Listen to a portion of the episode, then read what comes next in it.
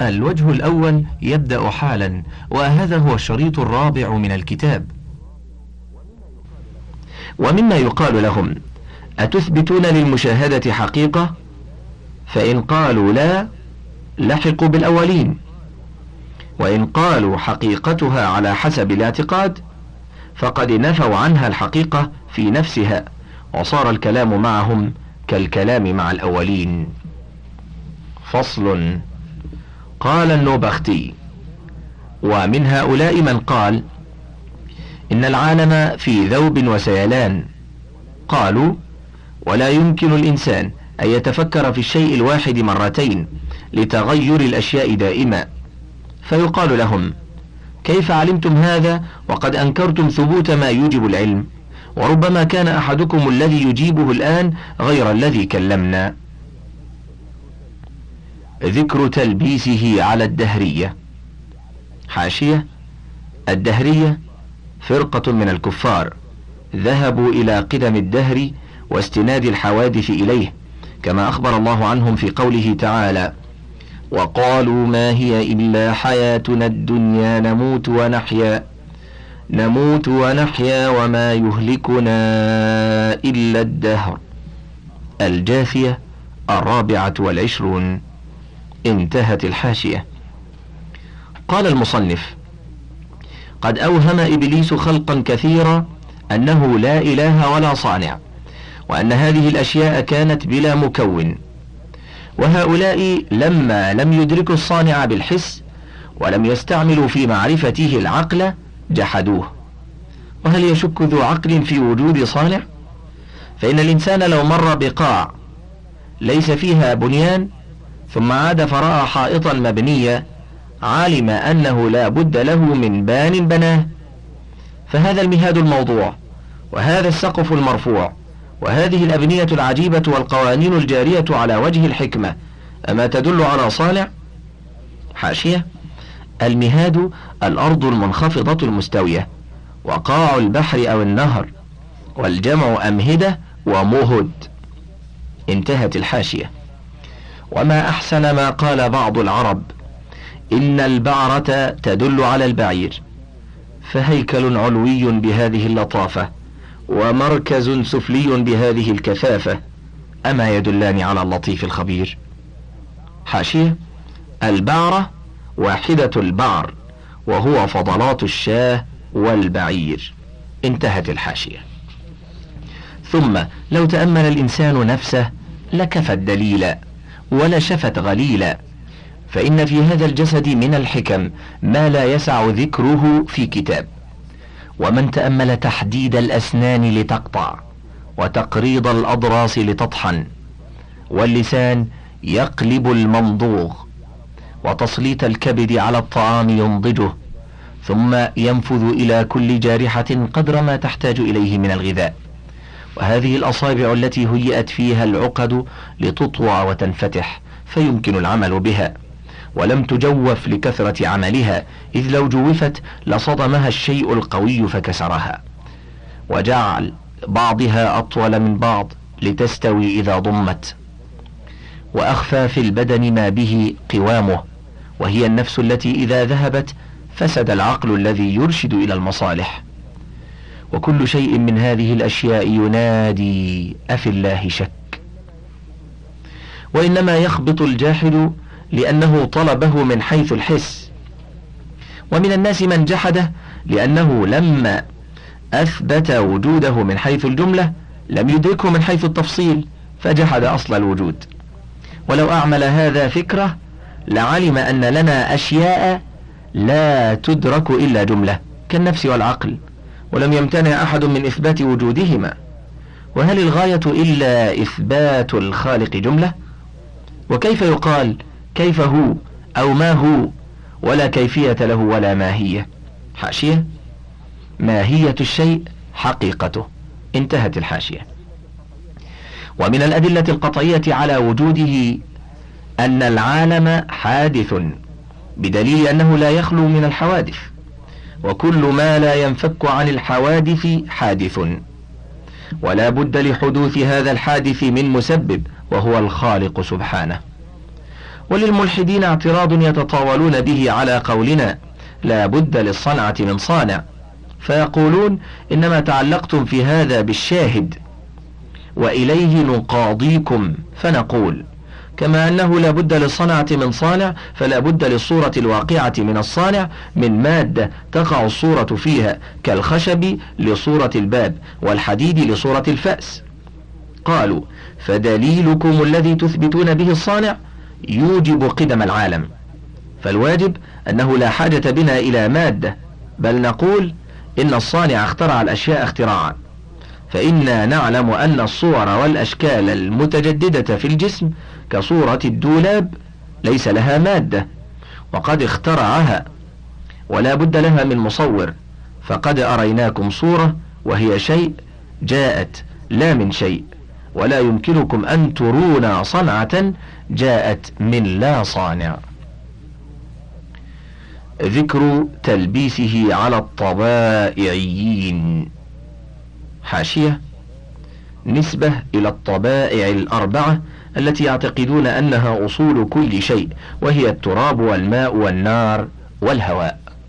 انتهت الحاشية. قال المصنف لما رأى إبليس قلة موافقته على جحد الصانع لكون العقول شاهدة بأنه لا بد للمصنوع من صانع حسن لأقوام أن هذه المخلوقات فعل الطبيعة. وقال ما من شيء يخلق إلا من اجتماع الطبائع الأربع فيه.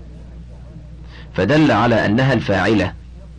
وجواب هذا نقول اجتماع الطبائع دليل على وجودها لا على فعلها. ثم قد ثبت أن الطبائع لا تفعل إلا باجتماعها وامتزاجها وذلك يخالف طبيعتها. فدل على أنها مقهورة. وقد سلموا أنها ليست بحية ولا عالمة ولا قادرة. ومعلوم أن الفعل المنسق المنتظم لا يكون إلا من عالم حكيم. فكيف يفعل من ليس بعالم عالما وليس قادرا؟ فإن قالوا ولو كان الفاعل حكيما لم يقع في بنائه خلل ولا وجدت هذه الحيوانات المضرة فعلم أنه بالطبع قلنا ينقلب هذا عليكم بما صدر منه من الأمور المنتظمة المحكمة التي لا يجوز أن يصدر مثلها عن طبع. فأما الخلل المشار إليه فيمكن أن يكون للابتلاء والردع والعقوبة أو في طيه منافع لا نعلمها. ثم أين فعل الطبيعة من شمس تطلع في نيسان على أنواع من الحبوب؟ فترطب الحصرم والخلالة وتنشف البرة وتيبسها. ولو فعلت طبعا لأيبست الكل أو رطبته فلم يبق إلا أن الفاعل المختار استعملها بالمشيئة في يبس هذه للادخار والنضج في هذه للتناول. والعجب أن الذي أوصل إليها اليبس في أكنة لا يلقي جرمها والذي رطبها يلقي جرمها. ثم إنها تبيض ورد الخشخاش وتحمر الشقائق وتحمض الرمان وتحلي العنب والماء واحد. وقد أشار إلى هذا المولى عز وجل بقوله تسقى بماء واحد ونفضل بعضها على بعض في الأكل. الرعد الآية الرابعة. حاشية. الحصرم والحصرم التمر قبل النضج والخلالة بضم الخاء وفتحها الخلالة ما يبقى في أصول السعف من التمر الذي ينتشر. البرة حلقة في أحد جانبي أنف البعير والمقصود القمحة. الأكنة الأغطية التي صنعها المولى لتلك الثمار. انتهت الحاشية. ذكر تلبيسه على الثانوية. حاشية أشرت إلى تعريفها عند الحديث عن الفرق. انتهت الحاشية. قال المصنف وهم قوم قالوا صانع العالم اثنان ففاعل الخير نور وفاعل الشر ظلمة. وهما قديمان لم يزالا ولن يزالا قويين حساسين سميعين بصيرين. وهما مختلفان في النفس والصورة متضادان في الفعل والتدبير. فجوهر النور فاضل حسن نير صاف نقي طيب الريح حسن المنظر. ونفسه نفس خيرة كريمة حكيمة نفاعة. منها الخير واللذة والسرور والصلاح وليس فيها شيء من الضرر ولا من الشر. وجوهر الظلمة على ضد ذلك من الكدر والنقص ونتن الريح وقبح المنظر. ونفسه نفس شريرة بخيلة سفيهة منتنة ضرارة منها الشر والفساد. كذا حكاه النوبختي عنهم. قال وزعم بعضهم أن النور لم يزل فوق الظلمة. وقال بعضهم بل كل واحد إلى جانب الآخر. وقال أكثرهم النور لم يزل مرتفعا في ناحية الشمال والظلمة منحطة في ناحية الجنوب ولم يزل كل واحد منهما مباينا لصاحبه. قال النوبختي وزعموا أن كل واحد منهما له أجناس خمسة أربعة منها أبدان وخامس هو الروح. وأبدان النور الأربعة النار والريح والتراب والماء وروحه الشبح. ولم تزل تتحرك إلا في هذه الأبدان. وأبدان الظلمة الأربعة الحريق والظلمة والسموم والضباب. وروحها الدخان. وسموا أبدان النور ملائكة. وسموا أبدان الظلمة شياطين وعفاريت. وبعضهم يقول الظلمة تتوالد شياطين. والنور يتوالد ملائكة. وإن النور لا يقدر على الشر ولا يجوز منه. والظلمة لا تقدر على الخير ولا تجوز منها. وذكر لهم مذاهب مختلفة فيما يتعلق بالنور والظلمة ومذاهب سخيفة. فمنها أنه فرض عليهم ألا يدخروا إلا قوت يوم. وقال بعضهم على الإنسان صوم سبع العمر وترك الكذب والبخل والسحر وعبادة الأوثان والزنا والسرقة وألا يؤذي ذا روح. في مذاهب سخيفة وطرائف طريفة اخترعوها بوقفاتهم الباردة. وذكر يحيى بن بشر أن هاوندي أن قوما منهم يقال لهم الديصانية. حاشية. الديصانية أصحاب ديصان أثبتوا أصلين نورا وظلاما.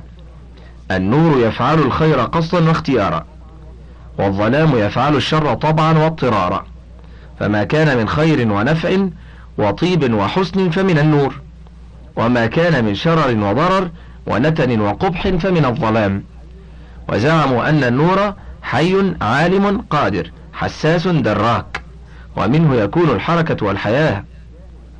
وأن الظلام ميت جاهل عاجز جماد لا فعل ولا تمييز. وزعموا أن الشر يقع منه طباعا وزعموا أن النور جنس واحد. انظر الملل والنحل للشهرستاني في الجزء الثاني الصفحة السبعين وانتهت الحاشية. وذكر يحيى بن بشر أنها وندي أن قوما منهم يقال لهم الديصانية. زعموا أن طينة العالم كانت طينة خشنة وكانت تحاكي جسم الباري الذي هو النور زمانا فتأذى بها. فلما طال عليه ذلك قصد تنحيتها عنه فتوحل فيها واختلط بها فتركب منها هذا العالم النوري والظلمي. فما كان من جهة الصلاح فمن النور وما كان من جهة الفساد فمن الظلمة. وهؤلاء يغتالون الناس ويخنقونهم ويزعمون أنهم يخلصون بذلك النور من الظلمة. مذاهب سخيفة. الذي حملهم على هذا أنهم رأوا في العالم شرا واختلافا. فقالوا لا يكون من أصل واحد شيئان مختلفان كما لا يكون من النار التبريد والتسخين. وقد رد العلماء عليهم في قولهم إن الصانع اثنان فقالوا لو كان اثنين لم يخلو أن يكونا قادرين أو عاجزين أو أحدهما قادر والثاني عاجز. لا يجوز أن يكونا عاجزين لأن العجز يمنع ثبوت الألوهية. ولا يجوز أن يكون أحدهما عاجزا. فبقي أن يقال هما قادران. فتصور أن أحدهما يريد تحريك هذا الجسم في حالة يريد الآخر فيها تسكينة ومن المحال وجود ما يريدانه. فإن تم مراد أحدهما ثبت عجز الآخر. وردوا عليهم في قولهم إن النور يفعل الخير والظلمة تفعل الشر.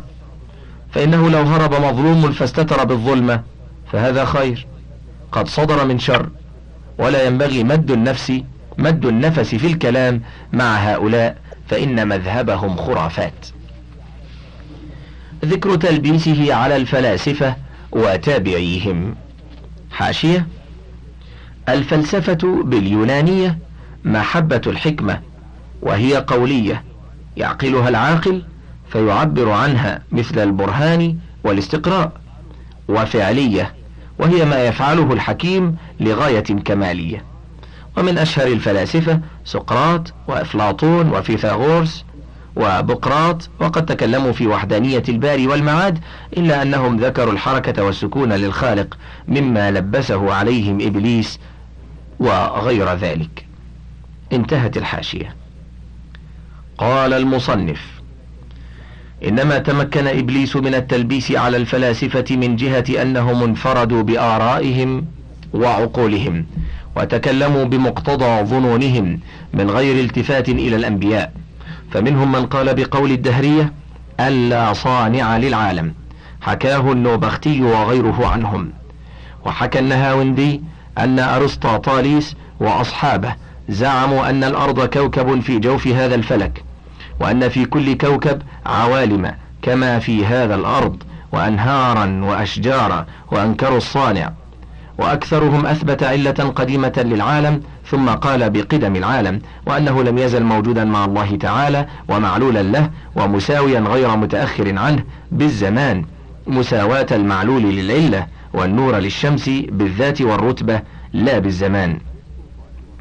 حاشية أرسطو طاليس ابن نيقو ماخوس من أهل أسطاخوا وهو المقدم المشهور والمعلم الأول والحكيم المطلق عندهم.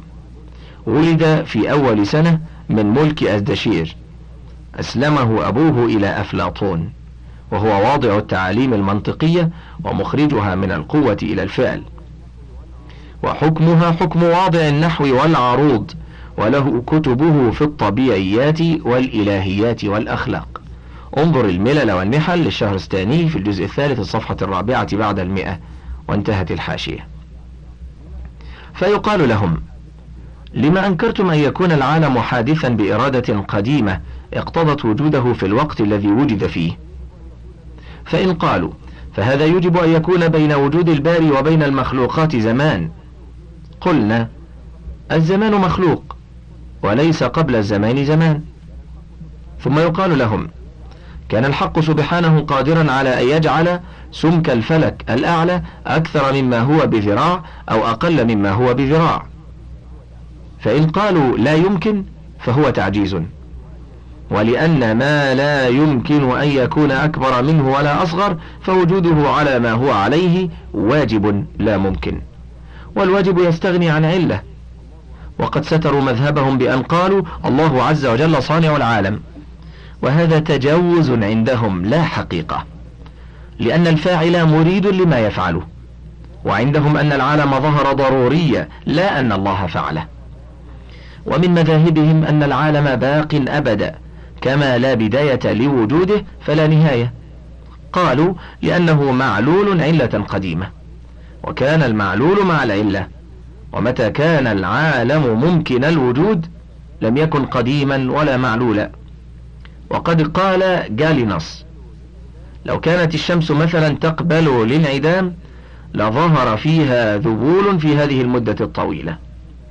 حاشية ذبل الشيء ضاعف وذهبت نضارته. انتهت الحاشية. وقد قال جالينوس لو كانت الشمس مثلا تقبل الانعدام لظهر فيها ذبول في هذه المدة الطويلة فيقال له قد يفسد الشيء بنفسه بغتة لا بالذبول. ثم من أين لها؟ من أين له أنها لا تذبل؟ فإنها عندهم بمقدار الأرض مئة وسبعين مرة أو نحو ذلك. فلو نقص منها مقدار جبل لم يبن ذلك للحس. نحن نعلم أن الذهب والياقوت يقبلان الفساد وقد يبقيان سنين ولا يحس نقصانهما. وإنما الإيجاد والإعدام بإرادة القادر والقادر لا يتغير في نفسه ولا تحدث له صفة وإنما يتغير الفعل بإرادة قديمة. فصل. وحكى النوبختي في كتاب الآراء والديانات أن سقراط كان يزعم أن أصول الأشياء ثلاثة. حاشية سقراط بن سفر نيساقوس من أثينا. اقتبس الحكمة من فيثاغورس وأرسالاوس واقتصر من أصنافها على الإلهيات والأخلاقيات واشتغل بالزهد ورياضة النفس وتهذيب الأخلاق وأعرض عن ملذات الدنيا واعتزل إلى الجبل ونهى الرؤساء الذين كانوا في زمانه عن الشرك وعبادة الأوثان. حبسه الملك لثورة الغاغة عليه ثم سقاه السم. قال سقراط إن الباري تعالى لم يزل هويته فقط وهو جوهر فقط. وقال إن علمه وقدرته ووجوده وحكمته بلا نهاية. انظر الملل والنحل في الجزء الثالث الصفحة الثامنة والعشرين وانتهت الحاشية. حكى النوبختي أن سقراط كان يزعم أن أصول الأشياء ثلاثة علة الفاعلة والعنصر والصورة. قال والله تعالى هو الفعال. والعنصر هو الموضوع الأول للكون والفساد. والصورة جوهر للجسم. وقال آخر منهم الله هو العلة الفاعلة والعنصر المنفعل. وقال آخر منهم العقل رتب الأشياء هذا الترتيب. وقال آخر منهم بل الطبيعة فعلته.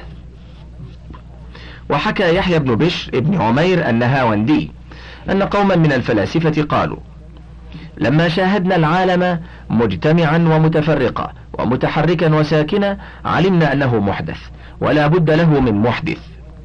ثم رأينا أن الإنسان يقع في الماء ولا يحسن السباحة فيستغيث بذلك الصانع المدبر فلا يغيثه. أو في النار فعلمنا أن ذلك الصانع معدوم. قال واختلف هؤلاء في عدم الصانع المدبر على ثلاثة على ثلاث فرق. فرقة زعمت أنه لما أكمل العالم استحسنه فخشي أن يزيد فيه أو ينقص منه فيفسد فأهلك نفسه وخلى منه العالم. وبقيت الأحكام تجري بين حيواناته ومصنوعاته على ما اتفق.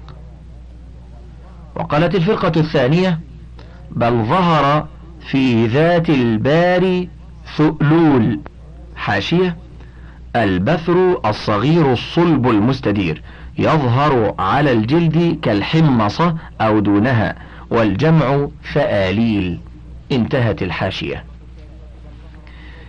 وقالت الفرقة الثانية بل ظهر في ذات الباري ثؤلول فلم يزل تنجذب قوته ونوره حتى صارت القوة والنور في ذلك الثؤلول وهو العالم.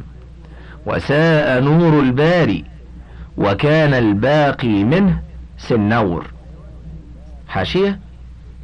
حيوان أليف وفقارة العنق وأصل الذنب والجمع سنانير. انتهت الحاشية. وزعموا أنه سيجذب النور من العالم إليه حتى يعود كما كان ولضعفه عن مخلوقاته أهمل أمرهم فشاع الجور. حاشية.